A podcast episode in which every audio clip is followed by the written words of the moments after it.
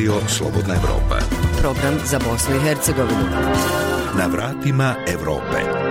Emisija o evropskim integracijama.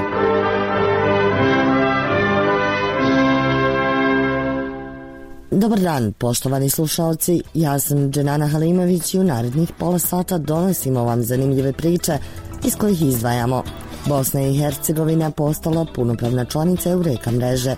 Šta članstvo znači pojašnjava Adnan Husić, pomoćnik ministra civilnih poslova Bosne i Hercegovine. Jača se učešće naših istraživača i naših istraživačkih institucija iz Bosne i Hercegovine u evropskom istraživačkom prostoru. Komitet ministara Vijeća Evrope je pozvao bosansko-hercegovačke vlasti da do 1. septembra pripreme nacrt izmjena i dopuna Ustava i izbornog zakona. Stranci koje su trenutno na vlasti u Bosni i Hercegovini, SDA, HDZ i SNSD svakako su pokazali da nisu u stanju ni puno lakše stvari završiti poput nabavke vakcina, a kamoli ova izmjene ustava. Dok većina građana Bosne i Hercegovine teži Njemačkoj kao obećanoj zemlji, u Cazin se iz nje vraćaju. Radio sam pet godina u Njemačkoj za istog vlasnika i vratio se naš četvrce. Mislim da se neću nikad ni pokret. Uh, ovdje sam u gostelj, a gore sam bio na bauštel. I ovdje 8 sati radni, možeš više biti svojom familijom, kući, to sve, ali gore 10 sati radni, A zarada? Nije puno manja. Vraćamo se najavljenim sadržajima. Na vratima Evrope. Bosna i Hercegovina postala je punopravna članica Eureka mreže. Eureka je panevropska mreža za potporu tržišno orijentisanih industrijskih naučno-istraživačkih projekata. U ovim projektima učesnici razvijaju nove tehnologije i grade partnerstva u kojima se probijaju na nova tržišta. Adnan Husić, pomoćnik ministra civilnih poslova Bosne i Hercegovine, koji rukovodi i ovim projektom, ali i izradom strategije pametne specijalizacije, u intervju za Radio Slobodna Evropa kaže kako je za uspjeh neophodno imati i osnovu, a to je kvalitetno obrazovanje.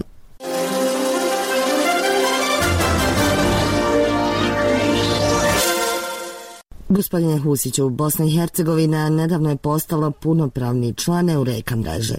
Šta će ovo članstvo značiti za zemlju? Primarni cilj ovog programa je potaknuti firme na ulaganje u aktivnosti istraživanja i razvoja i na taj način jačati njihov inovacijski kapacitet. E, dobro ste rekli da je Bosna i Hercegovina evo postala punopravna e, članica ove mreže. Mi smo 2009. godine, dakle kao država uključeni u ovaj program u statusu državne informativne tačke i institucije e, iz Bosne i Hercegovine do sad su sudjelovale u nekih 12 projekata sa ukupnim iznosom od preko 8 miliona eura za sve institucije iz naše i partnerskih zemalja. E, šta mi dobivamo ovim članstvom, e, punopravnim članstvom u ovom programu, jača se učešće naših istraživača i naših istraživačkih institucija iz Bosne i Hercegovine u evropskom istraživačkom prostoru. Prije svega omogućava nam pristup finansiranju e, određenih projektnih aktivnosti. Dalje mreža će dakle se baviti poticanjem međunarodne saradnje, recimo zamislimo da su savršeni projektni partneri izvan naših granica i da je reka je evo iskustvo, međuna, donosi iskustvo te međunarodne saradnje za mnoge organizacije koje učestvuju u ovoj inicijativi i potiče se širenje na nova tržišta. Dakle, mi ćemo imati e, mogućnost da se e, programe Eureke, pošto programe Eureke fokusiraju na istraživanje i razvoj proizvoda, procesa i usluga bliskih tržištu, a recimo 45 zemalja u ovoj mreži, moći će se lako istraživati tržišta i Evrope, i Sjeverne Amerike, i Južne Amerike, Azije, od subsaharske Afrike. I dodatno ono što moram reći zaista, evo i na, nacionalni koordinator e, projekata koji je smješten u Ministarstvu civilnih poslova ima obavezu pružanja e, podrške istraživačko-razvojnim projektima, odnosno potencijalnim aplikantima za učešće u ovoj mreži. Namjera je kompanije podstaći da ulažu inovacije. To se naslanja na koncept strategije pametne specijalizacije, čiji je krajnji cilj razvoj inovativne ekonomije. Šta bi za Bosnu i Hercegovinu trebali biti ključni elementi ove strategije, odnosno šta ona podrazumijeva? E, pa ako govorimo o strategiji pametne specijalizacije, možemo reći da je to jedan novi koncept koji spaja industrijsku, inovacijsku politiku, a sve u cilju jeli, razvoja jedne inovativne, inovativne ekonomije. E, ova strategija pametnih specijal, pametne specijalizacije ili pametna specijalizacija je osmišljena tako da e, se e, identificiraju prioritetne oblasti koje treba podržati u nekom regionu ili u državi, a zasniva se jel, na analizi snaga i potencijala privrede i procesu političkog otkrivanja sa širokim učešćem za interesovanih subjekata. Šta to znači? To znači da e, E, pametna specializacija bi trebala da poveže tu jednu inovativnu politiku sa tim izabranim prioritetnim oblastima, a u izabranim prioritetnim oblastima se e, prate i podržavaju inovacije u širem smislu, prvenstveno, ali ne isključivo vezane one za tehnološki napredak. Krajnji cilj, dakle, e, te strategije pametne specializacije tog jednog novog pristupa, pristupa koji je kreiran u Evro, unter Evropske komisije u okviru uh, kohezione njihove politike, jeste da se osnaži rast i da se otvore uh, nova radna mjesta. Podrazumijeva jedan, jedno partnerstvo i pristup od ozdo prema gore, i dakle ta specijalizacija bi trebala da okuplja i javnu upravu, i akademsku, i poslovnu zajednicu, i civilno društvo E, koje trebaju da imaju jedan zajednički zadatak implementacije jedne strategije dugoročnog rasta koja se zasniva na inovacijama, a jeli, uz podršku, podršku Evropske unije. Ukratko ova, e, da kažem, specijalizacija identifikuje snage i komparativne prednosti jedne države jednog regiona, specijalizovano, dakle daje prioritet investicijama u istraživanje i inovacijama u privrednoj oblasti koja je konkurentna za određeno područje ili za, za region ili za državu i strateški treba da definiše jednu zajedničku viziju za državne, dakle, e, odnosno regionalne, regionalne inovacije. E, do sada, evo, u Evropskoj uniji je izrađeno više od 120 ovakvih strategija e, pametne specijalizacije i dakle institucija koja vodi proces unutar Bosne i Hercegovine koja je zadužena od vijeća ministara je naša direkcija za ekonomsko planiranje koja poduzima određene aktivnosti da bi e, i Bosna i Hercegovina dobila jedno, jedno, jedno, jedno ovakav strateški pristup. Da bismo govorili uopšte o razvoju ove vrste, treba krenuti od osnove, a to je obrazovanje. Da, svakako vi znate da je obrazovanje na neki način osnov svega. U tom kontekstu ja evo mogu istaći da smo mi prošle sedmice imali promociju jednog dokumenta strateškog tipa pod nazivom poboljšanje kvalitete i relevantnosti stručnog obrazovanja i obuke u Bosni i Hercegovini za razdoblje od 21. do 2021. E, do 2030. godine. Ovaj dokument u suštini daje jedan strateški okvir u kojem pravcu bi e, stručno obrazovanje i obuka trebala ići u Bosni i Hercegovini, a u kontekstu ovoga o čemu ste govorili prilagodbe obrazovanja tržištu rada, identifikovanja potreba od strane tržišta rada, ali i e, ako tako mogu reći školovanje jednog kadra koji će naći svoje adekvatno mjesto na tržištu rada posjedujući znanja, vještine i kompetencije koje e, ti mladi ljudi koji izlaze iz obrazovnog procesa mogu koristiti na tržištu rada.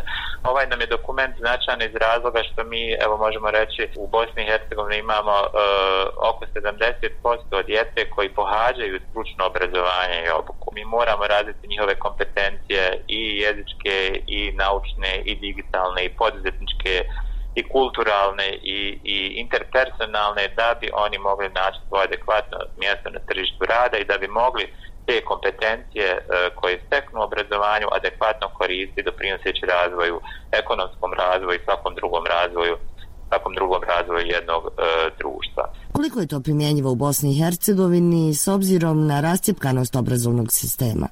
Ono čemu se mi trebamo dakle e, posvetiti unutar BiH je e, dosta komunikacije međusobne, međusobnih razgovora, međusobne interakcije između obrazovanja i tržišta rada, svajanje međunarodnih, a pogotovo evropskih standarda određenim oblastima, jer zaista e, Evropska unija je postavila određene standarde gdje Bosna i Hercegovina na neki način ili obrazovni sistem unutar Bosne i Hercegovine e, može i treba te standarde primijeniti kako bi na kraju krajeva imali e, veći ekonomski rast, više e, radnih mjesta, dakle i jačanje naše ekonomije u cijelosti. Kad kažem obrazovanje, onda mislim dakle i na akademsku zajednicu i na e, e stručno obrazovanje, ljude koji dolaze iz oblasti stručnog obrazovanja, ali i povećanje recimo obuhvata preškolskim odgojem i obrazovanjem, jer je preškolski odgoj i obrazovanje temelj e, svega. Jedan od velikih problema u Bosni i Hercegovini je upravo ta mala stopa prisutnosti djece u predškolskom obrazovanju. Koliko su tu važne strategije? Mi imamo strateški dokument, dakle platformu e, e, koja se odnosi na oblast preškolskog odgoja i obrazovanja i upravo u toj platformi, dakle govorimo o strateškom dokumentu koji usvojilo vijeće ministara, jeste jedan od ciljeva povećanja obuhvata preškolskim odgojem i obrazovanjem. E, Bosna i Hercegovina mislim da e, ima negdje obuhvat oko 19% u godini pred polazak u školu, što je jako, da kažem, mali procenat, ali svi zajedno trebamo raditi da se taj procenat, odnosno da se taj obuhvat poveća koji u razvijenim zemljama, e, ako gledamo zemlje Evropske unije, iznosi 90 pa i čak preko 90%. E, Kada posmatramo preškolski odgoj i obrazovanje, problem je e, dakle su ruralne sredine, mi moramo jačati infrastrukturu u ruralnim sredinama da bi i roditelji koji imaju djecu i koji žive u nekim manjim sredinama imali mogućnost da svoje dijete pošalju na preškolski, e, preškolski nivo obrazovanja, odnosno da upišu u, u, u takvu jednu odvojno obrazovnu instituciju. E, dosta je tu, da kažem, e, sistemskih problema koje nadležne obrazovne vlasti u Bosni i Hercegovini trebaju riješiti od infrastrukture, opremanja, kadra, finansiranja, taj financijski aspekt, ali evo svi zajedno dakle trebamo raditi e, u tom pravcu. Ministarstvo civilnih poslova i vijeće ministara dalo je jedan okvir e, sada je do nadležnih obrazovnih vlasti u Bosni i Hercegovini da zajednički pokušamo odnosno da pokušaju e, taj okvir popuniti, odnosno da pokušaju taj procenat obuhvata djece preškolskim odgojem i obrazovanjem unaprijediti, odnosno povećati. A šta kažu smjernice Evropske unije? Što se tiče smjernica, mi možemo vidjeti u analitičkom izvještaju Evropske komisije koji je došao, koji je objavljen, koji je došao uz izvještaj u procesu pristupanja, odnosno sticanja kandidatskog statusa Bosne i Hercegovine za članstvo Evropskoj uniji. Kad je u pitanju oblast obrazovanja, mora se jačati u napređenju kvaliteta, dakle na akreditaciji, e, proceduri akreditacije, reakreditacije visokoškolskih institucija u Bosni i Hercegovini, povećanje obuhvata preškolskog odgoja i obrazovanja, ovo o čemu smo govorili, i dakle e, e, identifikacije potreba, odnosno stavljanje e, u funkciju obrazovanja za zapošljavanje. Dakle, zapošljavanje, e, odnosno e, u segmentu zapošljavanja moraju se identifikovati potrebe od strane poslodavaca da bi obrazovanje moglo isporučiti e, pod navodnicima takav kadar koji je potreban tržištu rada. Tržište rada je vidjeli ste jako promjenjivo, evo i u uslovima e, pandemije, e, ali i prije toga, e, dakle, cjeloživotno učenje e, mora biti primat, mora biti jedan od prioriteta, mi ne možemo reći da smo završili sa svojim obrazovanjem kad napustimo formalno obrazovanje i steknemo određenu diplomu, već to mora da kontinuirano traje i da izgrađujemo se i da dograđujemo svoje vještine, znanja i kompetencije kako bi mogli naći adekvatno mjesto na tržištu rada. Za radio Slobodna Evropa govorio Adnan Husić, pomoćnik ministra civilnih poslova Bosne i Hercegovine. Evropski standardi za evropsko tržište. Prije nekoliko dana konačno je u cijelosti realizovan prioritet broj 3 iz mišljenja Evropske komisije o zahtjevu Bosne i Hercegovine za članstvo u Evropskoj uniji. Nakon skoro šest godina od prve sjednice usvojen je poslovnik o radu Parlamentarnog odbora za stabilizaciju i pridruživanje. Ovaj odbor čine zastupnici Parlamentarne skupštine Bosne i Hercegovine i Evropskog parlamenta. Informiše Gordana Sandić-Hadži Hasanović. Iako je parlamentarni odbor za stabilizaciju i pridruživanje između Evropske unije i Bosne i Hercegovine konstituisan još u novembru 2015. godine, tek je u junu ove usvojen poslovnik o radu. Ključna višegodišnja prepreka, način donošenja odluka, jer su parlamentarci iz Republike Srpske tražili da se sve odluke u ovom zajedničkom tijelu donose na isti način kao u parlamentu Bosne i Hercegovine, a to znači da osim opšte većine treba postići i entitetsku, što, kako je objavila Evropska komisija, nije u skladu sa evropskim standardima. Iako je konačno otkočen rad odbora, ostali su brojni problemi koje ima Bosna i Hercegovina na putu integrisanja, smatra Denis Bečirović, član parlamentarnog odbora Bosna i Hercegovina Evropska unija. Usvojen je poslovnik o radu i nakon toga trajala je rasprava o odnosima između Evropske unije i Bosne i Hercegovine. Već ta rasprava je pokazala kako stvari stoje. Na vrlo dobronamjerne sugestije pojedinih članova Evropskog parlamenta kada je riječ o Bosni i Hercegovini, koji su ukazali da je neprihvatljivo da imamo recimo dvije škole pod jednim krovom, koji su ukazali na neprihvatljivost pojedinih politika koje zagovaraju separatizam i tako dalje. Imali smo priliku da na samoj sjednici odbora čujemo da recimo poslanici HDZ-a i neki drugi otvoreno drže lekcije ljudima i u Evropskom parlamentu, suprostavljaju se u suštini našem putu ka Evropskoj uniji. Mukotrpan put do poslovnika Denis Bečirović posmatra kao neodvojivi dio sporog procesa pridruživanja Bosne i Hercegovine Evropskoj uniji. Naš proces pridruživanja sveukupnim euroatlantskim integracijama ne ide ni približno onim tempom kojim bi trebao da ide. U tom smislu jasno je da imamo i ovih 14 prioriteta koje je zaključila Evropska komisija koja se odnose na četiri poglavlja, na poglavlje demokratija i funkcionisanje, poglavlje koje se odnosi na vladavinu prava, osnovna prava i reformu javne uprave. I kad pogledate unutar tih dijelova šta je realizirano, uočit ćete već i na prvi pogled da je malo urađeno. U tom smislu formiranje ovog odbora ne mora da znači neki veliki napredak iz prostog razloga što je i posljedna sjednica ovog odbora pokazala da u stvari unutar odbora, prije svega iz SNSD-a i HDZ-a, imamo otvorenu obstrukciju e, procesa pridruživanja Bosne i Hercegovine prema Evropskoj uniji. Rasprava tokom zasjedanja zajedničkog tijela Bosna i Hercegovina Evropska unija u online formatu bila je prilika da se ukaže na aktuelne unutrašnje probleme koje ima Bosna i Hercegovina. Recimo iz Evropske službe za vanjsko djelovanje obratila se gospođa Elza Fenet koja je uh, vrlo jasno kazala da je dugo čekala ovaj sastanak, ali da je nezadovoljna sa sveopćim kontekstom u Bosni i Hercegovini koje karakterizira čak i retorika podjela i retorika separatizma, što je ona vrlo jasno rekla. U tom smislu ohrabrujuća je poruka koja je uslijedila i od nje i od drugih članova Evropskog parlamenta, to je da ujedinjena i cjelovita Bosna i Hercegovina nema alternative i da nema prostora za revizionizam kada je u pitanju opstanak i budućnost države Bosne i Hercegovine.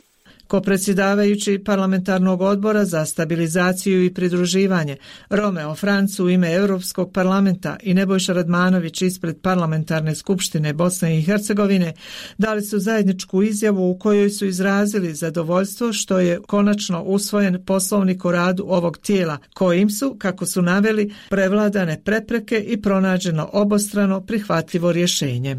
Iz Sarajeva za radio Slobodna Evropa, Gordana Sandić Hadži Hasanović. Komitet ministara Vijeća Evrope pozvao je 10. juna bosansko-hercegovačke vlasti da do 1. septembra pripreme nacrt izmjena i dopuna Ustava i izbornog zakona koji će osigurati da se izbori 2022. godine održe u skladu s Evropskom konvencijom o ljudskim pravima oko 400.000 bosansko-hercegovačkih građana ili 12% stanovništva države ne mogu se kandidovati za člana predsjedništva Bosne i Hercegovine ili Dom naroda parlamenta Bosne i Hercegovine zbog svoje etničke pripadnosti ili teritorije na kojoj žive. Slušamo Maju Žuvelu. Jakob Finci, predsjednik jevrijske zajednice u BiH, više od decenije čeka provedbu presude Sejdić Finci protiv BiH Evropskog suda za ljudska prava u Strasburu, kojom se traži uklanjanje diskriminatornih odredbi Ustava BiH. Ovaj predmet nije tužba u korist jevreja i Roma, nego svi građana Bosne i Hercegovine koji su time obespravljeni, pripadnici takozvanih konstitutivnih naroda, ako ne žive na pravom dijelu teritorije, drugim riječima Hrvati i Bošnjaci u Republici Srpskoj i Srbi u Federaciji, isto nemaju pravo kandidovanja. Prema procjenama, oko 400.000 bosansko-hercegovačkih građana ili 12% stanovništva ne mogu se kandidovati za člana predsjedništva BiH ili Doma naroda parlamentarne skupštine zbog svoje etničke pripadnosti ili teritorije na kojoj žive. Komitet ministara Vijeća Evrope pozvao je bosansko-hercegovačke vlasti da do 1. septembra pripreme nacrt izmjena i dopuna izbornog zakona i ustava koji će osigurati da se opšti izbori 2022. godine godine održe u skladu sa Evropskom konvencijom o ljudskim pravima. Komitet upozorava da je ukoliko se do tada ne postigne opipljiv napredak, moguće poduzimanje novih radnji kako bi se osiguralo da BiH u potpunosti ispoštuje svoje obaveze koje proizlaze iz presuda suda. Fokus lidera vodećih političkih stranaka je na izbornom zakonu i osiguranju prava konstitutivnih naroda. Paralelno na izmenama radi je u maju formirana interesorna radna grupa. Ministar pravde BiH Josip Grubeša. Da smo mi prema obavezi koji je Bosna i Hercegovina ima prema Vijeću Evrope trebali napraviti akcijski plan za provedbu presuda Evropskog suda za ljudska prava. Međutim, akcijski plan se podudara sa inicijativom iz parlamentarne skupštine Bosne i Hercegovine e, gdje su tri institucija, to je dom naroda, zastupnički dom i vijeće ministara treba tri svoja predstavnika poslati u radnu skupinu za izmene izbornog zakonodavstva i samim tim mi smo samo potvrdili ono što je već ranije parlamentarna skupština napravila i praktički e, usvojili akcijski plan identičan onome koji e, već funkcionira, odnosno koji radi na izmjenama izbornog zakona. Član interesorne radne grupe Damir Arnaut kaže da su izmjene do septembra moguće, ali da vladajućim strankama više odgovara zadržavanje postojećeg stanja. Stranke koje su trenutno na vlasti u Bosni i Hercegovini, SDA, HDZ i SNSD svakako su pokazali da nisu u stanju ni puno lakše stvari završiti poput nabavke vakcina, a kamoli ova izmjene ustava. Ja šta više čak mislim da gospodinu Dodiku Čoviću i Beloviću upravo i odgovara ovako jedno stanje u kojem su u mogućnosti da građane plaše ratom, e, ocjepljenjima, sukobima i tako dalje, umjesto da rješavaju njihove stvarne probleme. Iz komiteta ministara međutim upozoravaju da izmjene izbornog zakona bez paralelne izmjene ustava i pune provedbe presude Sejdić-Finci, uključujući uklanjanje diskriminatornih odredbi ustava, ne bi bile moguće. Faris Vehabović, sudac Evropskog suda za ljudska prava, kaže da bi zbog nepoštivanja sudskih odluka BiH mogla ostati bez prava glasa na Skupštini Vijeća Evrope i suočiti se sa suspenzijom u ovom tijelu. Nisam optimista da će do toga doći, a i ako dođe, mislim da će doći do, do limitirane promjena koje će se uh, više fokusirati na prava konstitutivnih naroda nego na, uh, na suštinu presude, to je da, da svaki državljan ima uh, jednako Iz Sarajeva za radio Slobodna Evropa, Maja Žuvela. Slušajte nas, gledajte nas, čitajte nas. Sve na jednoj adresi slobodnaevropa.org. Mada je Unsko-Sanski kanton u samom vrhu kada je riječ o broju mladih koji napuštaju domovinu i odlaze u zemlje Zapadne Evrope, postoje primjeri povratka u rodni kraj i pokretanja vlastitog biznisa. Cazinjanin Elvis Muhić se uz podršku oca Sulejmana, inače vlasnika građevinske firme u Njemačkoj, vratio u Bosnu i Hercegovinu i pokrenuo biznis u sektoru selskog turizma. Od 12 novozaposlenih radnika, četvorice su također povratnici iz inostranstva. Svi su puni optimizma i svoju budućnost vide u Bosni i Hercegovini. Priča Azre Bajrić. Cazinjanin Sulejman Muhić godinama radi u Njemačkoj gdje je vlasnik jedne uspješne građevinske firme.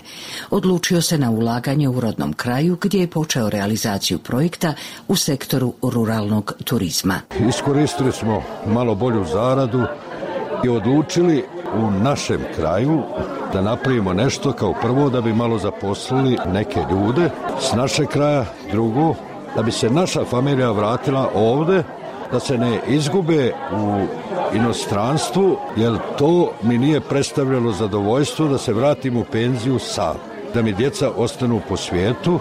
Jedan od glavnih ciljeva da svoju djecu dovučem dole da budemo zajedno i u starim danima, da dijelimo te neke stvari zajedno. Posao u novoformiranoj BH firmi Euroinvest prepustio je sinu Elvisu, a prvi konkretni ciljevi planiranog projekta ostvareni su ovih dana otvaranjem hotela, restorana i pratećih sadržaja. Hotel ima devet smještajnih jedinica, sve su opremljene po europskom standardu. Restoran ima 150 mjesta plus vanjske terase. Planiramo da radimo vanjske bazene, pungalove još, igralište za djecu naravno. U firmi u Cazinu zaposleno je 12 radnika, a među njima i četiri mlada Cazinjana, koji su se također vratili iz inostranstva. Mercad Hašić sretan je zbog povratka u rodni kraj. Radio sam pet godina u Njemačkoj za istog vlasnika i vratili se naš četvrce. Mislim da se neće nikad ni pokajeti. E, ovdje sam u gostelj, a gore sam bio na bauštelu. Ovdje 8 sati radni, možeš više biti svojom familijom, kući, to sve, ali gore 10 sati radni. A zarada?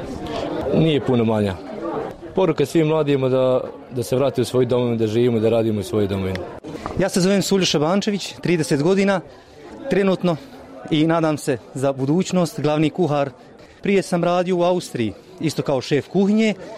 Vratio sam se tu, gdje sam započeo stari život, novu budućnost u ovako lijepom ambijentu, a uvijek je bolje kod kuće svoje i daleko od toga da sam se pokajao. Ovo je moja država koju ja izuzetno volim, moj grad, moji ljudi, moje radno novo mjesto i ja sam lično jako presretan što sam se vratio. Vlasnici Muhići naglašavaju kako nisu nailazili na prepreke u realizaciji projekta, te da ne treba sve gledati samo iz ugla dobiti. Za Radio Slobodna Evropa, Azrbajrić. Načelnik općine Šamac Đorđe Milićević i direktorica CRS-a za Bosnu i Hercegovinu Johana Hale potpisali su memorandum o saradnji općine Šamac i CRS-a na implementaciji projekta jačanja otpornosti na prirodne katastrofe i unapređenje strategije pripravnosti pod nazivom PREPS. Pripremio Zoran Matkić. Katolička služba za pomoć u Bosni i Hercegovini, CRS, u općini Šamac prisutna je od katastrofalnih poplava koje su pogodile ovu općinu i region 2014. godine. Oporavak od posljedica poplava kroz različite oblike pomoći podržala je zajedno sa USAID-om sa preko milijun maraka. Suradnja i pomoć je nastavljena i nakon poplava kroz USAID-ov projekat Pro budućnost, a novopotpisani sporazum je nastavak podrške CRS-a općini Šamac, koja nije izostala ni tijekom pandemije koronavirusa. Joana Heil, direktorica CRS-a u Bosni i Hercegovini. Od pandemije COVID-19 CRS sarađuje sa opštinom Šamac na distribuciji hrane i higijenskih proizvoda za najugroženije. Kroz PREPS projekat CRS i opština Šamac će raditi zajedno na spričavanju elementarnih nepogoda. I ovo otvara novi način investicija od strane CRS. I želim zahvalim vama, gospodine gradonačelniče, i svima u Šamcu na mogućnosti da to uradimo. Projekat Jačanje otpornosti od prirodnih katastrofa i unapređenje strategije pripravnosti bit će realiziran u nekoliko općina i gradova Bosne i Hercegovine i susjedne Srbije, koje su zahvatile katastrofalne poplave i klizišta 2014. godine. U sklopu projekta planirano je saniranje dijela obale i nasipa uz rijeku Bosnu i Savu kod Šamca, kao i nabavka vozila i opreme za održavanje mreže vodozaštite – načelnik općine Šamac, Đorđe Milićević. Mi smo razgovarali i o nizu kapitalnih projekata koje ćemo realizovati u nekom narednom periodu na osnovu javnih poziva koji bude imao CRS, a sve u kontekstu činjenice da kroz ovaj projekat opština Šama će dobiti jedan strateški dokument koji će biti u suštini e, e, prezentovan stanovnicima opštine Šamac i nadležnim službama e, e način kako i pod kojim uslovima reagovati u varednim situacijama. Takav jedan dokument je neophodan za apliciranje na sve važnije i bitnije kapitalne projekte u ovoj oblasti u nekom narednom periodu. Cilj projekta je da Bosna i Hercegovina i Srbija postanu otpornije na ponavljajuće prirodne katastrofe. Kako bi se postigao ovaj cilj, PREPS projekat će kroz ključne projektne aktivnosti unaprijediti suradnju između općina u svrhu izgradnje trajnih sustava i struktura za smanjenje rizika od prirodnih katastrofa. U Bosni i Hercegovini u projekat PREPS uključeni su Doboj, Domaljevac Šamac, Jablanica, Šamac, Zavidovići i Žepče. Za Radio Slobodna Europa i Šamca, Zoran Matkić. Imamo zajedničku viziju, slijedimo svoju misiju. Došli smo i do kraja ovo sedmične emisije. Brojne zanimljive sadržaje možete naći na web stranici slobodnaevropa.org. Podcaste za viri ispod površine glasom mladih između redova Potražite na Facebooku i Twitteru kao i na Spotify, Google podcastima i iTunesu. Iz Sarajeva vas pozdravljaju Enes Arničić i Đanana Halimović.